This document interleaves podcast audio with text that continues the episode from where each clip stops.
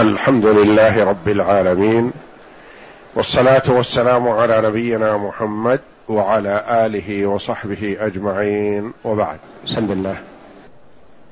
بسم الله الرحمن الرحيم. قال المؤلف رحمه الله تعالى ومن الإيمان بالله الإيمان بما وصف به نفسه في كتابه العزيز وبما وصفه به رسوله محمد صلى الله عليه وسلم من غير تحريف ولا تعطيل ومن غير تكييف ولا تمثيل. قول المؤلف رحمه الله تعالى ومن الإيمان بالله الإيمان بما وصف به نفسه في كتابه وبما وصفه به رسوله من غير تحريف ولا تعطيل ومن غير تكييف ولا تمثيل. المؤلف رحمه الله تعالى قال أما بعد فهذا اعتقاد الفرقة الناجية المنصورة إلى قيام الساعة أهل السنة والجماعة وهو الإيمان بالله وملائكته وكتبه ورسله إلى آخره. ثم قال بعد هذا ومن الإيمان بالله الإيمان بما وصف به نفسه في كتابه. الأول إجمال. أن أهل السنة والجماعة يؤمنون بالله وملائكته وكتبه ورسله واليوم الآخر وبالقدر خيره وشره. ثم قال ومن الإيمان بالله. أركان الإيمان أجملها ستة. وسيأتي تفصيل لكل ركن. فأهمها وأعظمها وأساسها الإيمان بالله. الإيمان بالله. قال ومن الإيمان بالله. دل على أن الإيمان بالله شيء. ومنه ما سيفصله. اذا الإيمان بالله يراد به الإيمان بوجود الله جل وعلا. الإيمان بربوبية الله جل وعلا. الإيمان بألوهية الله جل وعلا. الإيمان بأسماء الله وصفاته.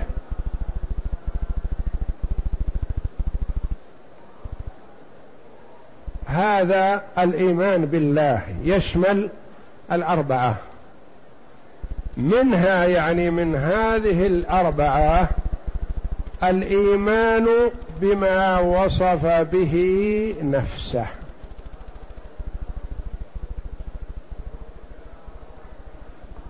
لأن الإيمان بالله بوجود الله جل وعلا فطر الله جل وعلا الخلق عليه.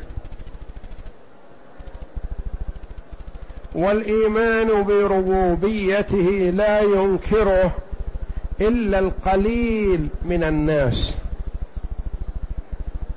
الكفار يؤمنون بربوبية الله. من المشركين واليهود والنصارى وعبدة الأوثان كلهم يؤمنون بربوبية الله.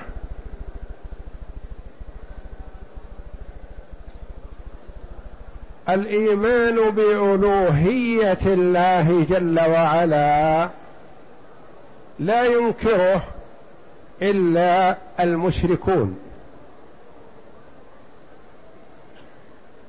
والعقيدة هذه للمسلمين. ولبيان ما وقع فيه بعض أهل القبلة من التحريف والتعطيل. لأن هذه ليست للكفار لبيان ما يجب على الكفار. ليست مؤلفة لهذا وإن كانت صالحة. فالمؤلف رحمه الله ركز على ما ينكره أو يحرفه أو يمثله. بعض من ينتسب إلى المسلمين من أهل القبلة.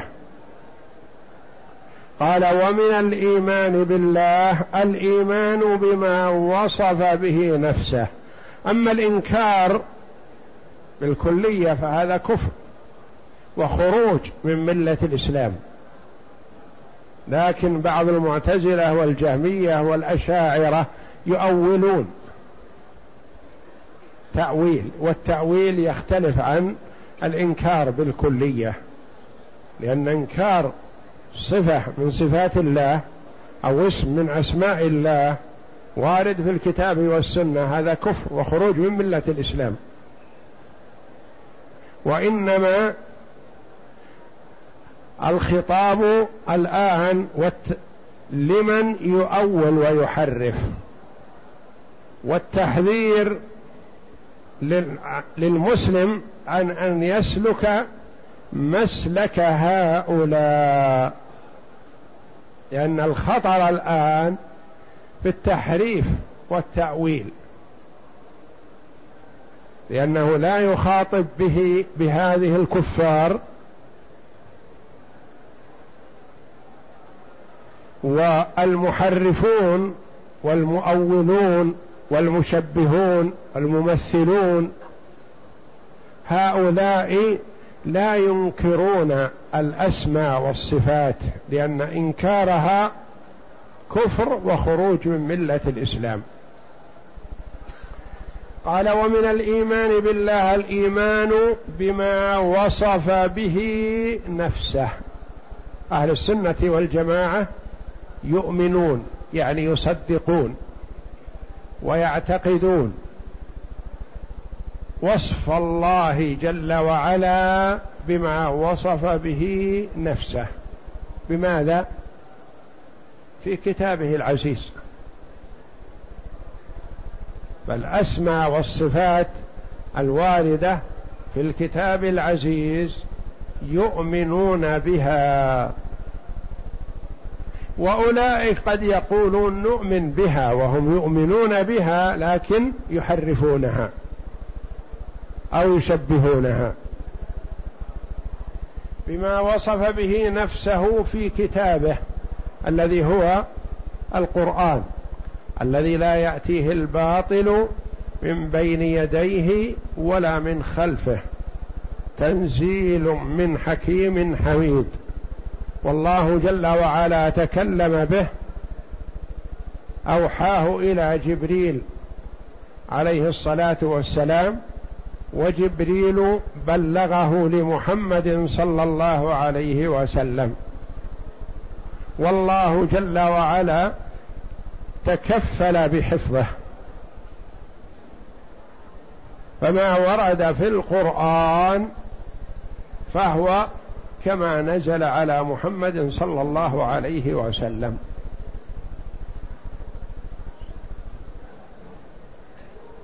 لا يحتاج إلى نظر ثابت أو غير ثابت. القرآن كله ثابت بالتواتر والحمد لله.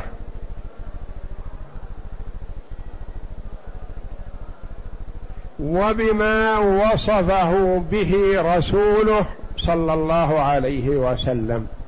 لأن الرسول عليه الصلاة والسلام هو المبلغ عن الله. والله جل وعلا وصفه بأنه لا ينطق عن الهوى إن هو إلا وحي يوحى.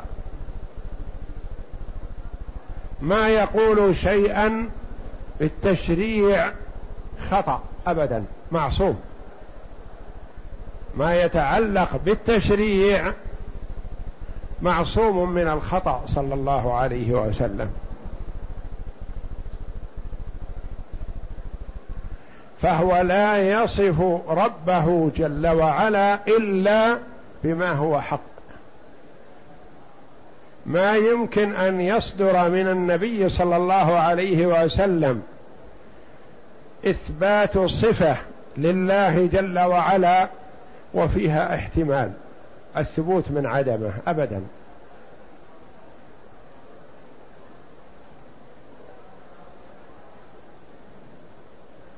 وهو عليه الصلاة والسلام يقول ألا إني أوتيت القرآن ومثله معه التي هي السنة.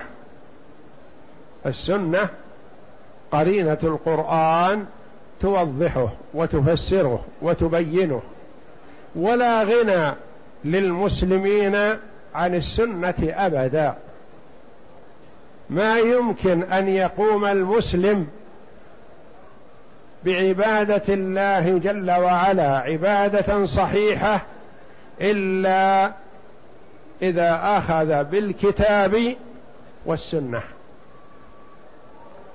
لو قال قائل اكتفي بما جاء عن الله فقط حيث أنه وارد وثابت بالتواتر وأما ما ورد عن النبي صلى الله عليه وسلم فهو يحتمل أنه صحيح ويحتمل أنه خطأ فأنا لا أحتاج إلى السنة نقول لا ضللت إذا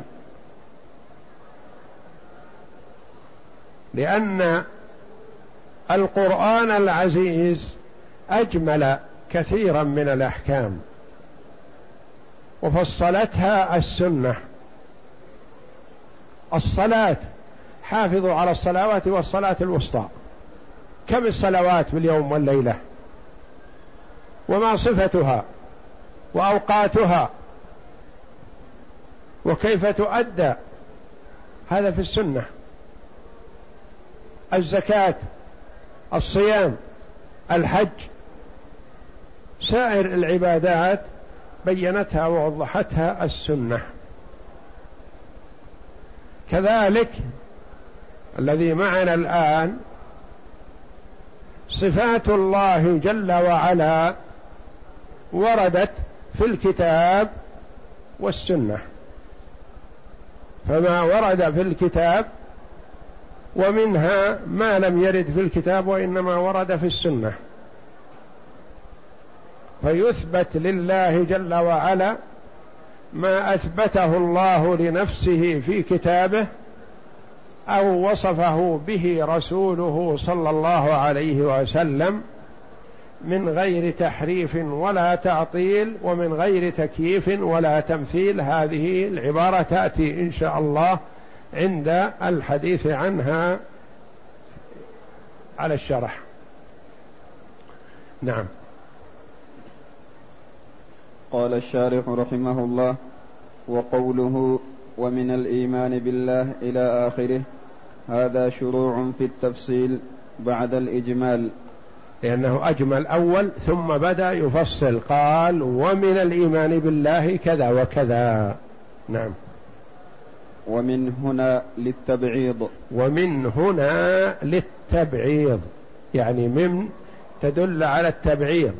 من الإيمان بالله لأن قلنا الإيمان بالله يشمل الإيمان بوجود الله والإيمان بربوبية الله والإيمان بألوهية الله والإيمان بالأسماء والصفات بأسماء الله وصفاته.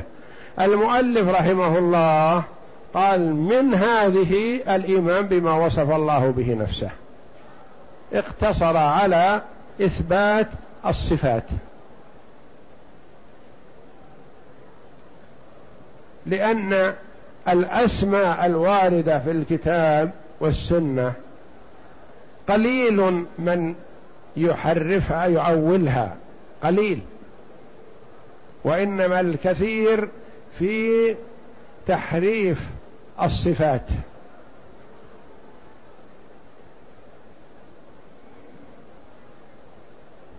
وأسماء الله جل وعلا واردة في الكتاب والسنة وأكثر ما يقع التحريف والتشبيه والتكييف والتمثيل في صفات الباري جل وعلا. نعم. والمعنى ومن جملة إيمان أهل السنة والجماعة بالأصل الأول الذي هو أعظم الأصول وأساسها. الذي هو الإيمان بالله. نعم. وهو الإيمان بالله. أنهم يؤمنون بما وصف به نفسه وقوله من غير تحريف متعلق بالإيمان قبله يعني أنهم يؤمنون بالصفات الإلهية يؤمنون إيمانا بلا تحريف ما يدخله التحريف. أما إذا دخله التحريف أفسده وما صار ايمان صحيح. نعم. أنهم يؤمنون بالصفات الإلهية على هذا الوجه الخالي من كل هذه المعاني الباطلة إثباتا بلا تمثيل وتنزيها بلا تعطيل. إثباتا بلا تمثيل وتنزيها بلا تعطيل. من غير تحريف لا يحرفون الصفة. لا يصرفونها عن معناها. والتحريف قد يكون لفظي وقد يكون معنوي. التحريف اللفظي صرفة. باللفظ. كما يقولون في صفة الله جل وعلا الرحمن على العرش استوى. يحرفون كلمة استوى فيجعلونها استولى. يزيدون فيها اللام فتغير المعنى تغييرا كبيرا. الرحمن على العرش استوى في سبعة مواضع من كتاب الله وما فيها واحدة فيها استولى. وما جاء في لفظ النبي صلى الله عليه وسلم مرة واحدة استولى. وإنما كلها استوى استوى. فقولهم في معناها يعني استولى هذا تحريف. شو نسمي هذا التحريف؟ لفظي أو معنوي؟ لفظي لأنه ينطق اللام. اللام هذه تدخل فتفسد المعنى. هذا تحريف لفظي. تحريف معنوي. مثل تحريف صفة الرضا بإرادة الإنعام أو تحريف صفة الغضب بإرادة الانتقام.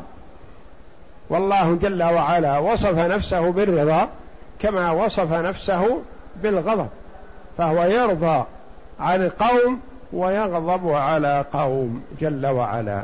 فهذا يسمى تحريف معنوي. يعني يقولون في غضب الله عليهم يعني أراد الانتقام منهم. وليس هناك صفة ثابتة لله وإنما ينتقم. وهذا تحريف معنوي. الله جل وعلا أثبت لنفسه هذه الصفة. ثم نأتي يأتي الشقي فيقول لا ما نصف ربنا بالغضب ولا نصف ربنا بالرضا ولا نصف ربنا بالمجيء. هو وصف نفسه بهذا جل وعلا فنصفه بما وصف به نفسه. نعم. والتحريف في الأصل مأخوذ من قولهم حرفت الشيء عن وجهه حرفا من باب ضرب. إذا أملته وغيرته والتشديد للمبالغة. التحريف في الأصل يعني في اللغة العربية. في لغة العرب مأخوذ من قولهم حرفت الشيء عن وجهه أي صرفته. يعني مثلا الماشي هكذا. مثلا أعمى يمشي مستقيم. استمر في ممشاه هذا اصطدم بالعمود. فتقول لمن حولك مثلا احرفه على العمود حتى لا يصطدم به. يعني اجعله يميل يمينا أو شمالا. حرفت الشيء عن وجهه يعني بدل ما كونه متجه عدال احرفه يمين أو شمال. هذه ينطق بها بين الناس بكثرة. حرفه عن كذا. من باب ضرب يعني من باب التصريف ضرب يضرب. حرفه يحرفه. إذا أملته وغيرته. والتشديد للمبالغة أصل حرف ويصلح في حرف حرف أشد من وأبلغ من حرف حرف وحرف التشديد للمبالغة. نعم. هذا في لغة العرب التحريف وحرف من باب ضرب. نعم. وتحريف وتحريف الكلام إمالته عن المعنى المتبادر منه إلى معنى آخر لا يدل عليه اللفظ إلا باحتمال مرجوح. فلا وتحريف الكلام هذا في الاصطلاح. تحريف الكلام إمالته عن المعنى المتبادر منه.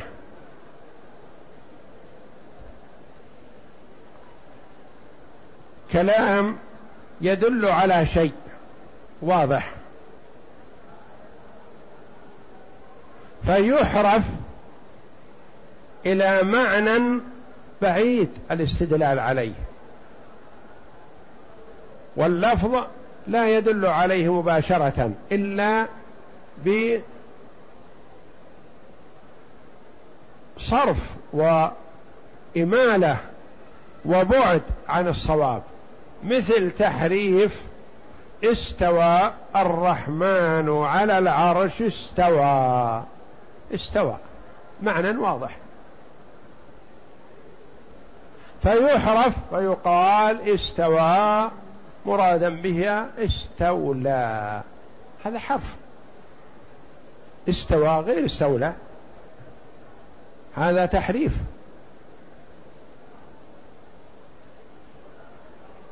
رضي الله عنهم. رضي الله عنهم يقولون أراد إثابتهم. الرضا غير الإثابة. قد يثيب المرء شخصا ما وهو غاضب عليه لكن لسبب من الأسباب. فالرضا صفة مفهومة المعنى. معناها مفهوم. ولا يصلح أن يقال رضي بمعنى أراد الإنعام. هذا تحريف. لأن إرادة الإنعام غير الرضا والرضا غير إرادة الإنعام. قد يرضى ولا يعطي. وقد يعطي وهو غير راضي. ويوضح هذا في المخلوق مثلا ولله المثل الأعلى. الأب مثلا يرضى عن ولده ولا يلزم أن يعطيه شيء. وقد يعطي الرجل الآخر شيئا ما يتفضل عليه بشيء وهو يكرهه لكن أعطاه لأمر من الأمور. فالرضا شيء وإرادة الإنعام شيء آخر. هذا تحريف. إذا قلنا الرضا إرادة الإنعام أو الغضب إرادة الانتقام لا. هذا صرف للمعنى الحقيقي.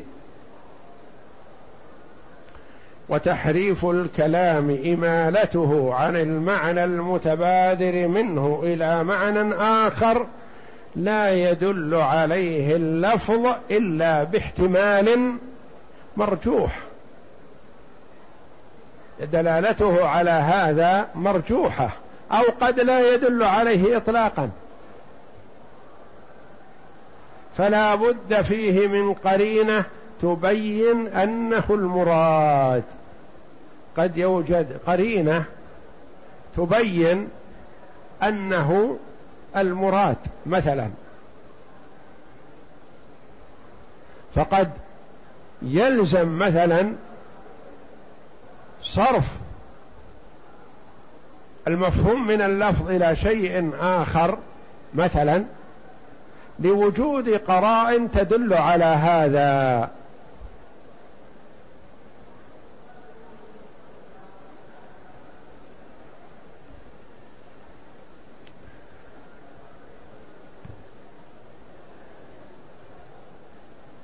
نقرب هذا مثلا مثل قوله جل وعلا وهو الذي في السماء إله وفي الأرض إله. قد يقول قائل هو إله في الأرض يعني أنه جل وعلا تعالى وتقدس في الأرض. وهو في السماء إله يعني أنه في السماوات داخل أجرام السماوات السبع. فنقول هذا وإن دل عليه اللفظ في غير صفة الباري جل وعلا بعض الشيء لو كان لغيره مثلا يقال فلان في السيارة نعم فلان في السيارة فيها.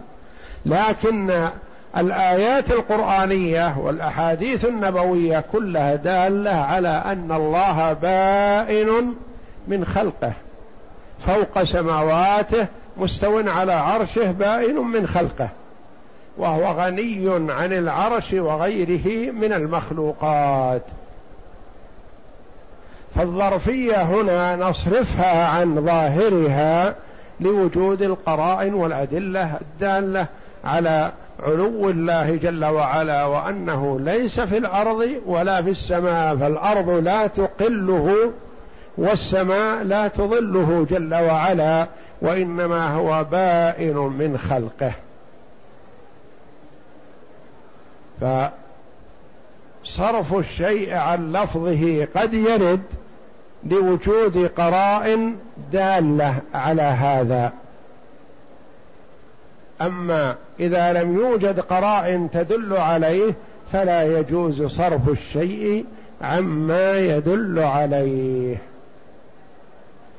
فلا بد فيه من قرينة تبين أنه المراد. نعم. وأما التعطيل فهو مأخوذ من العطل الذي هو الخلو والفراغ والترك. ومنه قوله تعالى وبئر معطلة أي أهملها أهلها وتركوا وردها. وأما التعطيل يعني من غير تحريف ولا تعطيل. أما التعطيل ما هو؟ التعطيل في الأصل في لغة العرب الخلو. يقال جيد معطل. جيد رقبة يعني ما فيها حلي كثيرا ما يصف الشعراء الجيد بأنها معطلة يعني جميلة وكذا و وهي خالية من الحلي والزينة. والله جل وعلا يقول وبئر معطلة وقصر مشيد وبئر معطلة بمعنى متروكة ترك أهلها رغبة عنها. فالتعطيل مأخوذ من العطل الذي هو الخلو والفراغ والترك. متروك فارغ خالي. والمراد به هنا يعني هذا الكلام الأول في في لغة العرب التعطيل الخلو والفراغ والترك. في المراد بالتعطيل في الصفات هو نعم. والمراد به هنا نفي الصفات الإلهية. نفي الصفات الإلهية. يعني يثبت الله جل وعلا لنفسه الصفة ثم يأتي المعطل ويقول لا. أثبت الله جل وعلا لنفسه الوجه. وأثبت لنفسه اليدين وأثبت لنفسه الرضا وأثبت لنفسه الغضب وأثبت لنفسه الاستواء. فيأتي المعطل وينفي هذه الصفات بالكلية. نفي الصفة يسمى تعطيل وتحريفها وصرفها عن معناها يسمى تحريف التحريف والتعطيل شيئان وكلاهما خطأ وضلال. نعم. والمراد به هنا نفي الصفات الإلهية وإنكار قيامها بذاته تعالى. فالفرق بين التحريف والتعطيل أن التعطيل نفي للمعنى الحق الذي دل عليه الكتاب والسنة وأما التحريف فهو تفسير النصوص بالمعاني الباطلة التي لا تدل عليها. التحريف صرف للمعنى والتعطيل نفي للصفة.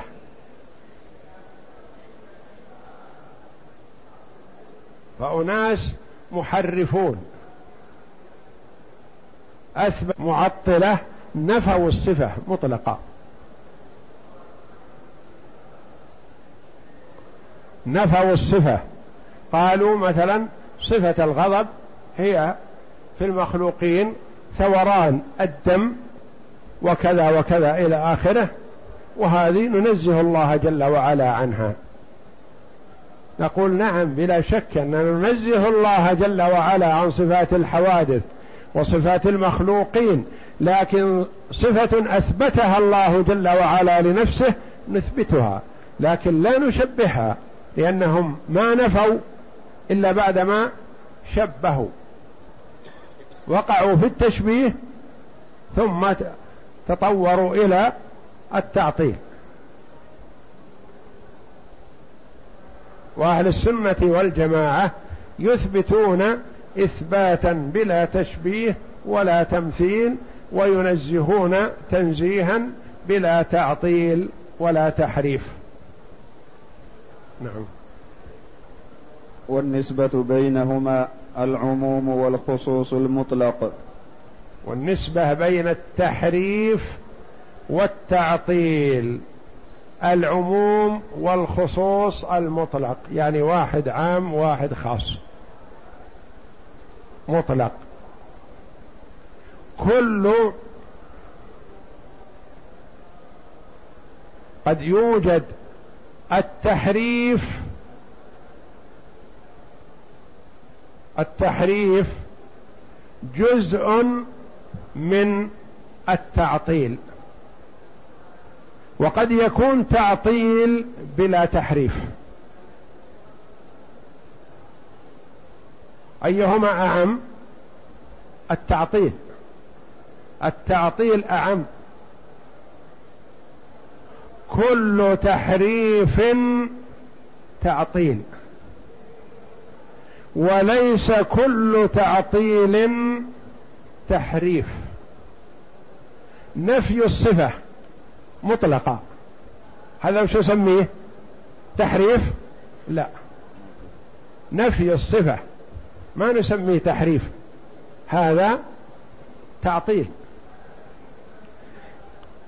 صرف الصفة عن معناها الحقيقي نسميه تحريف و وتعطيل. لأن صرف الصفة عن معناها الحقيقي يسميه تحريف. ويلزم منه تعطيل الباري جل وعلا من الصفة الحقيقية. اذا فالتحريف جزء من التعطيل والتعطيل أعم.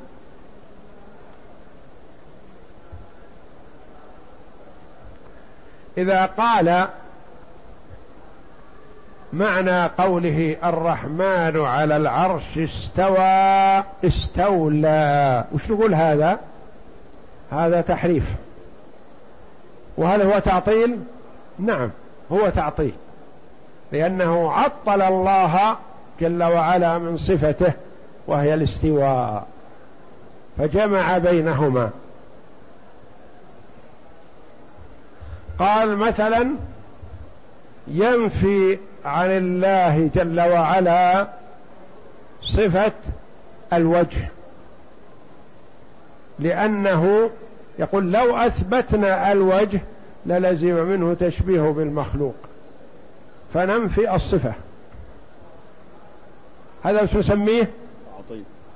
هذا تعطيل. وهل يسمى تحريف؟ لا. ما حرف. ما أتى بمعنى خطأ. وإنما نفى. فإذا فسر تفسيرا خاطئ نقول هذا محرف ومعطل. محرف بالتفسير الخاطئ. معطل لأنه عطل الباري جل وعلا من صفته الحقيقية. نفى الصفة. نقول هذا محرف؟ لا ما حرف. وإنما أشد وأفظع عطل. فالمحرف معطل وليس كل معطل محرف. هذا معنى قول المؤلف رحمه الله والنسبة بينهما العموم والخصوص يعني أحدهما عام وهو التعطيل والآخر خاص وهو التحريف. فإن التعطيل أعم مطلقا من التحريف. بمعنى أنه كلما وجد التحريف وجد التعطيل. وليس كلما وجد التعطيل وجد تحريف لا.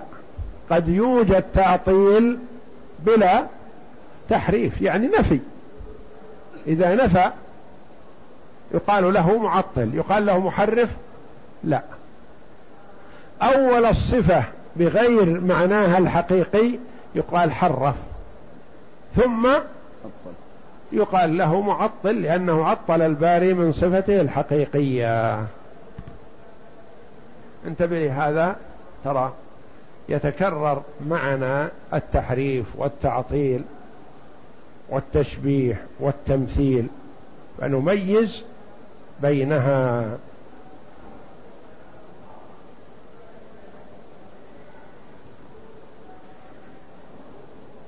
نعم. وبذلك يوجدان معا في من أثبت المعنى الباطل ونفى المعنى الحق. ويوجد فلذلك وبذلك يوجدان معا. يقول هذا تحريف. إذا أول استوى باستولى. نقول هذا تحريف و وتعطيل. حرف المعنى وعطل الله جل وعلا من المعنى الحقيقي وأتى بمعنى باطل. نعم. ويوجد التعطيل بدون التحريف في من نفى الصفات الواردة في الكتاب والسنة وزعم أن ظاهرها غير مراد ولكنه لم يعين لها معنى آخر وهو ما يسمونه بالتفويض. ويوجد التعطيل بدون التحريف. إذا نفى نفى صفة الوجه نفى صفة اليدين نفى صفة الرضا نفى صفة الغضب نفى صفة المحبة. نفى صفة الإرادة نفى صفة المشيئة هذا يقال له معطل. ويوجد التعطيل بدون التحريف في من نفى الصفات الواردة في الكتاب والسنة وزعم انتبه لهذه وزعم أن ظاهرها غير مراد. هو لو أنكر الصفة الموجودة في القرآن والسنة ماذا نعتبره؟ كفر. أنكرها. لكن يقول لا أنا أثبت الصفة أثبت الكلام هذا لله وجه لكن لا. لا أثبته صفة وإنما أثبت اسما لله. أثبت الرضا لله لكن لا يثبت له لا لا نثبت له الصفة الرضا حقيقة وإنما نقول هذه أسماء نؤمن بها لفظا ولا نصدق بمعناها. هذا التأويل لأنه لو أنكرها لفظا ومعنى ماذا يكون؟ كفر لأنه أنكر شيئا من القرآن. لكن يقول أنا لا أنكر الاسم لكن معناه لا أدري. طيب ما تفهم معناه؟ يقول لا أفهم معناه لكن ما هو مراد؟ الفهم يفهم لأنه عاقل لكن يقول غير مراد. فرق بين أن يفهم المعنى وينكره أو يفهم المعنى ويثبته لكن ينفي التكييف والتشبيه.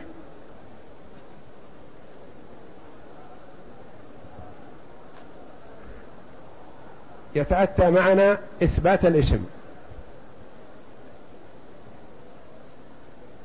هذا كثير يثبتونه.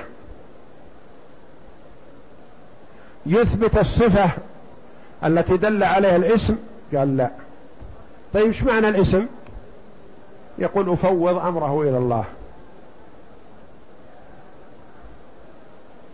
عليم مثلا دل على العلم.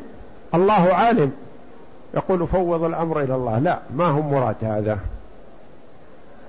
المعنى الذي نفهمه نحن ما هو مراد.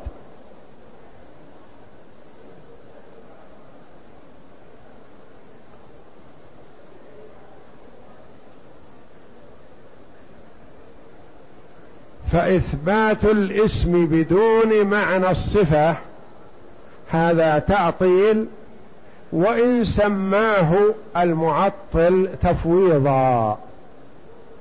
فهو ينكر المعنى مثل المحبة مثلا. الله جل وعلا أثبت لنفسه المحبة. محب ويحب سبحانه وتعالى. تنكر هذا اللفظ من القرآن؟ لا. تثبت الصفة المحبة لله؟ لا. إذا ماذا يكون؟ هذا اسم فقط والمراد ما ندركه.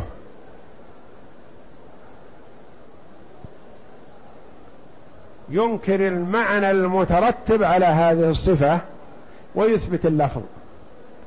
قيل له معنى المحبة واضح.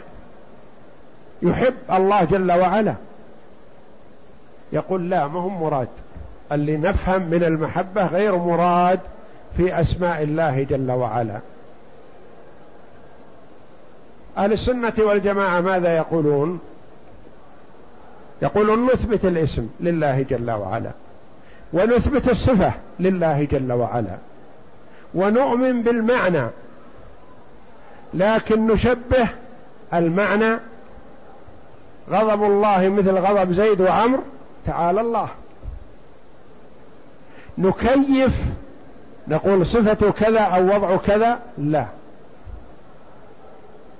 الاستواء معلوم والكيف مجهول. الاستواء معناه معلوم وهو مراد المعنى مراد وهو معلوم. لكن كيف استوى؟ لا ما يليق بالمخلوق أن يكيف الخالق جل وعلا لأنه ما يعرفه ما رآه ولا أحاط به. فالتكييف مبني على الاطلاع والإحاطة. أما المعنى فهو واضح. رضا الله جل وعلا عن عبده واضح المعنى. سخطه جل وعلا عن عبده واضح المعنى. استوى. واضح المعنى.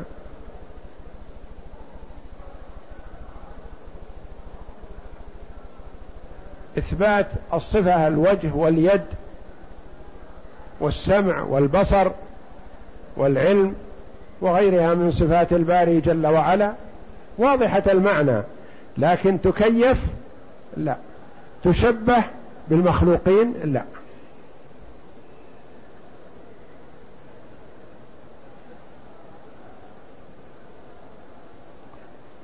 والذين قالوا تفويض أو يفوضون هذا فرارا من إنكارها بالكلية فيكفر. وإلا فهو ما يثبت المعنى الذي دل عليه.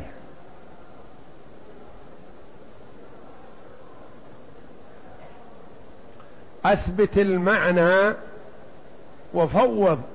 علم الكيفية إلى الله.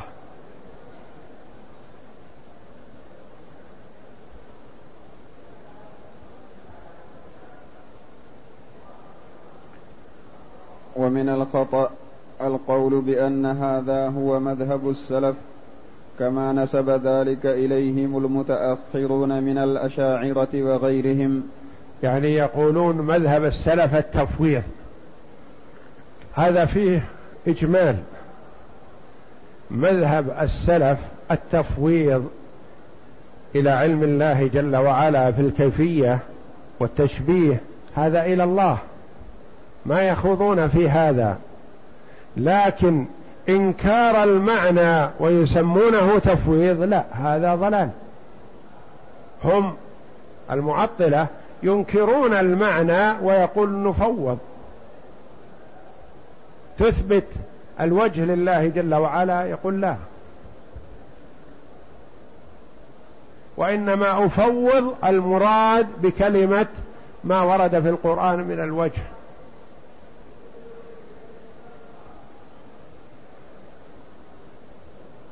افوض ما ورد في القرآن من صفة اليدين. افوض تثبت اليدين لله لا. وإنما هذا ورد في القرآن فأنا أفوض إلى الله ولا أثبت. وأهل السنة والجماعة يثبتون ما أثبته الله لنفسه لكن لا يخوضون في التكييف ولا التشبيه. فإن السلف فإن السلف لم يكونوا يفوضون في علم المعنى ولا كانوا يقرؤون كلاما لا يفهمون معناه. يعني أن السلف إذا قرأوا الرحمن على العرش استوى فهموا معنى استوى. السلف إذا قرأوا ما منعك أن تسجد لما خلقت بيدي فهموا معنى بيدي. فهموا هذا.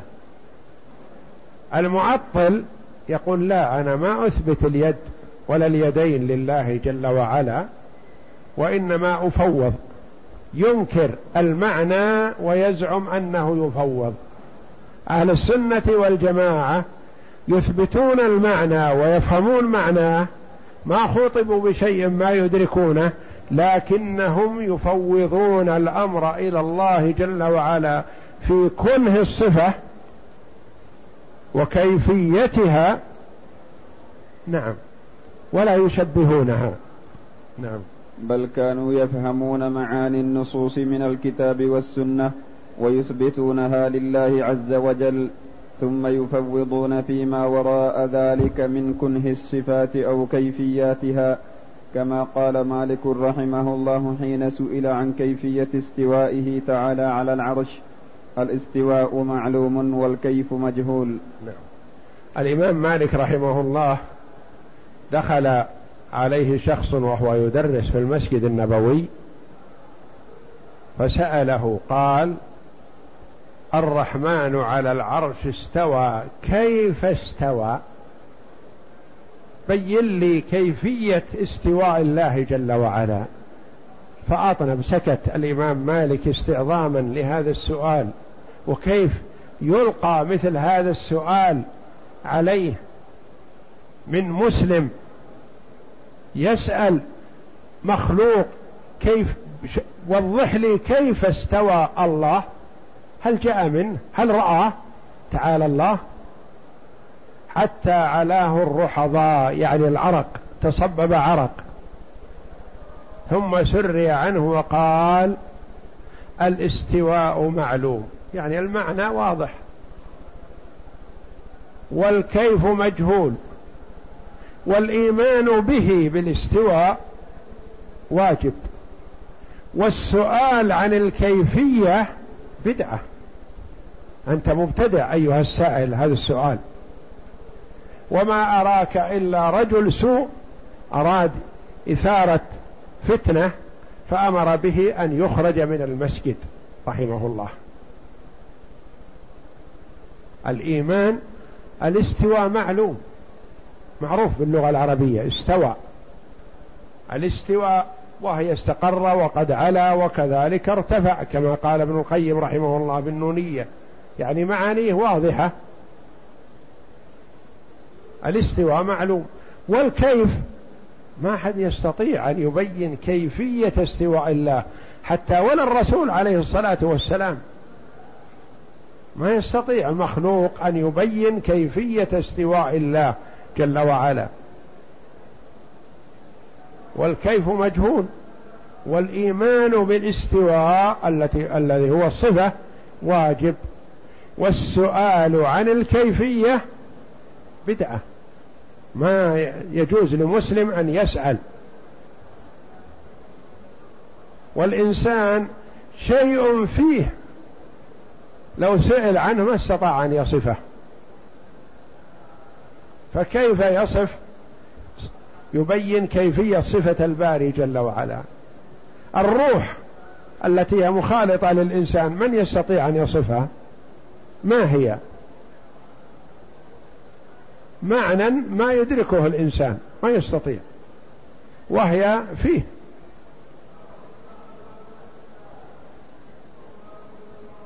وترى يراها البصر ولهذا لا خرجت الروح تبعها البصر كما قال عليه الصلاة والسلام. يرى الميت إذا خرجت روحه شخص بصره. ينظر. يتبعها البصر. وهي تخرج وتدخل. وما يستطيع الإنسان أن يصفها. فالأمور الغيبية عن الإنسان ما يصلح أن يسأل عنها ولا أن يتعرض لها وإنما يؤمن بها كما وردت. ولهذا لما سأل اليهود النبي صلى الله عليه وسلم عن الروح أجابهم الله جل وعلا بقوله قل الروح من أمر ربي وما أوتيتم من العلم إلا قليلا. ما يستطيع الإنسان أن يصف روحه التي هي فيه. هو شيء يراه يبصره يلمسه لا ما يراه إلا حال الاحتضار عند الموت. إذا خرجت ساعة خروجها يشخص البصر يتبعها وما يستطيع أن يصفها.